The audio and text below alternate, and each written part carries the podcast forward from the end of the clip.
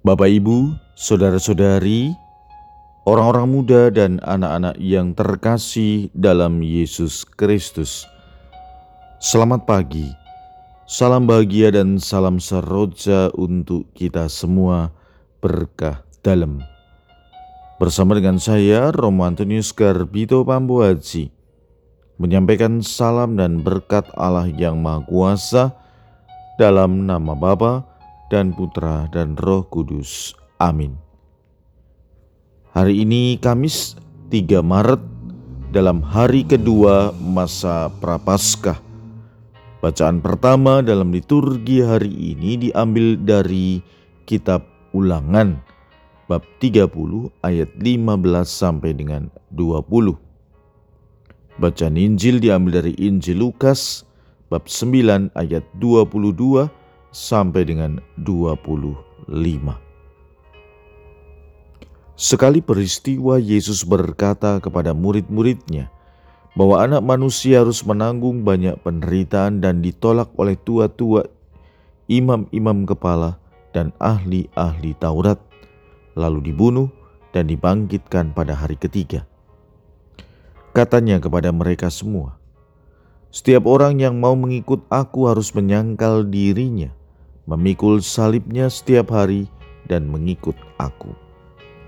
Karena barang siapa mau menyelamatkan nyawanya, ia akan kehilangan nyawanya. Tetapi barang siapa kehilangan nyawanya karena aku, ia akan menyelamatkannya. Apa gunanya seorang memperoleh seluruh dunia, tetapi ia membinasakan atau merugikan dirinya sendiri? Demikianlah sabda Tuhan terpujilah Kristus. Saudara-saudari yang terkasih, sabda Tuhan hari ini mengajak kita untuk fokus pada diri kita supaya dapat mengasihi Tuhan lebih dari yang lain.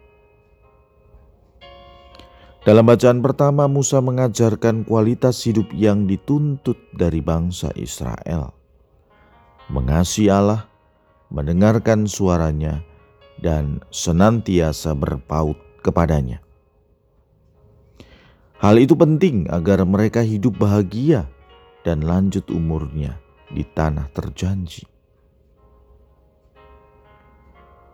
Ingatlah, aku menghadapkan kepadamu pada hari ini kehidupan dan keberuntungan, kematian dan kecelakaan.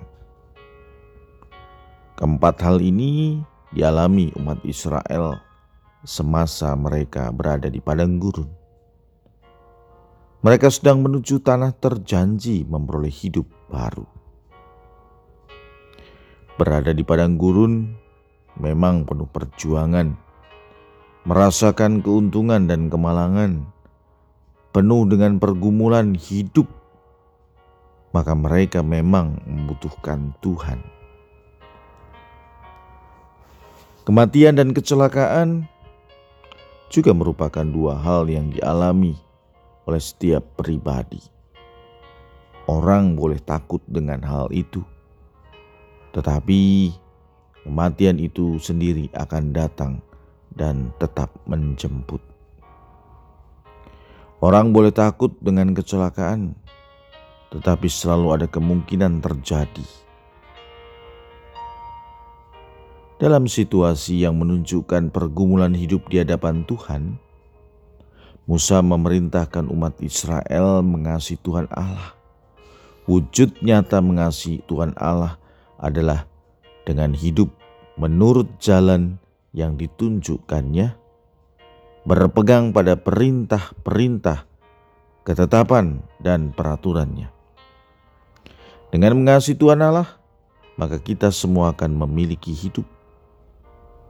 Tidak mengasihi Tuhan berarti berpaling daripadanya, maka kebinasaan adalah ganjaran yang akan diterima.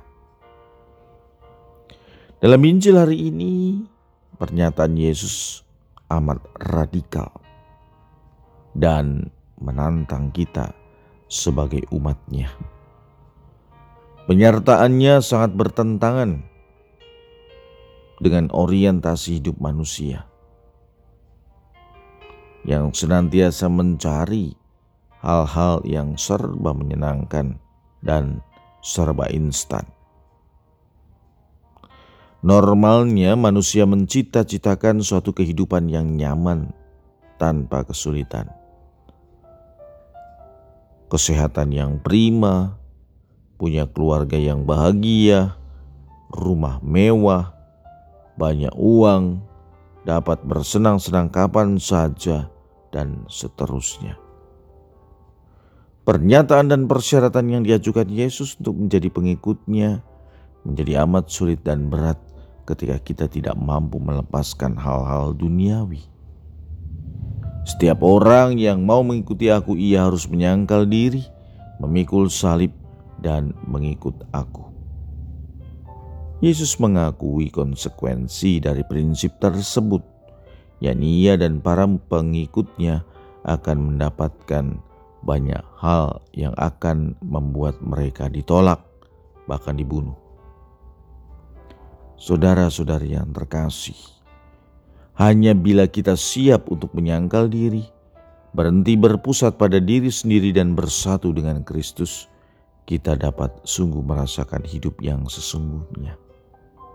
Maka, inti dari pernyataan Yesus ini adalah panggilan bagi kita untuk berhenti menghidupi hidup dengan cara duniawi dan egosentris, dan mulai menghidupi hidup dengan cara Yesus. Kita menjadi pengikut Yesus dengan meniru cara hidupnya dan menaati perintahnya. Memang kita selalu tergoda untuk menghidupi hidup yang serba nyaman dan menyenangkan, tetapi kita menyadari bahwa ternyata tidak selamanya kita hidup seperti itu. Tidak jarang kita menemui tantangan dan kesulitan dalam hidup. Yesus tahu bahwa salib tidak bisa kita hindari dalam hidup ini. Maka ajakan mikul salib setiap hari sebenarnya ajakan Yesus untuk selalu bersama dia dalam memikul salib hidup kita. Bersama Yesus, salib kita pun ringan. Sabda Tuhan hari ini meneguhkan kita untuk senantiasa menjalankan masa prapaskah dengan penuh sukacita tanpa beban. Mari kita berbalik kepada Tuhan dan senantiasa berpaut kepadanya, mengasihinya lebih dari segala sesuatu. Marilah kita berdoa. Ya Tuhan, semoga dalam masa prapaskah ini kami sungguh dapat berbalik dan berpaut kepadamu dengan mengasihimu dengan segenap hati dan berani menyangkal diri. Berkat Allah yang Maha Kuasa, dalam nama Bapa dan Putra dan Roh Kudus. Amin.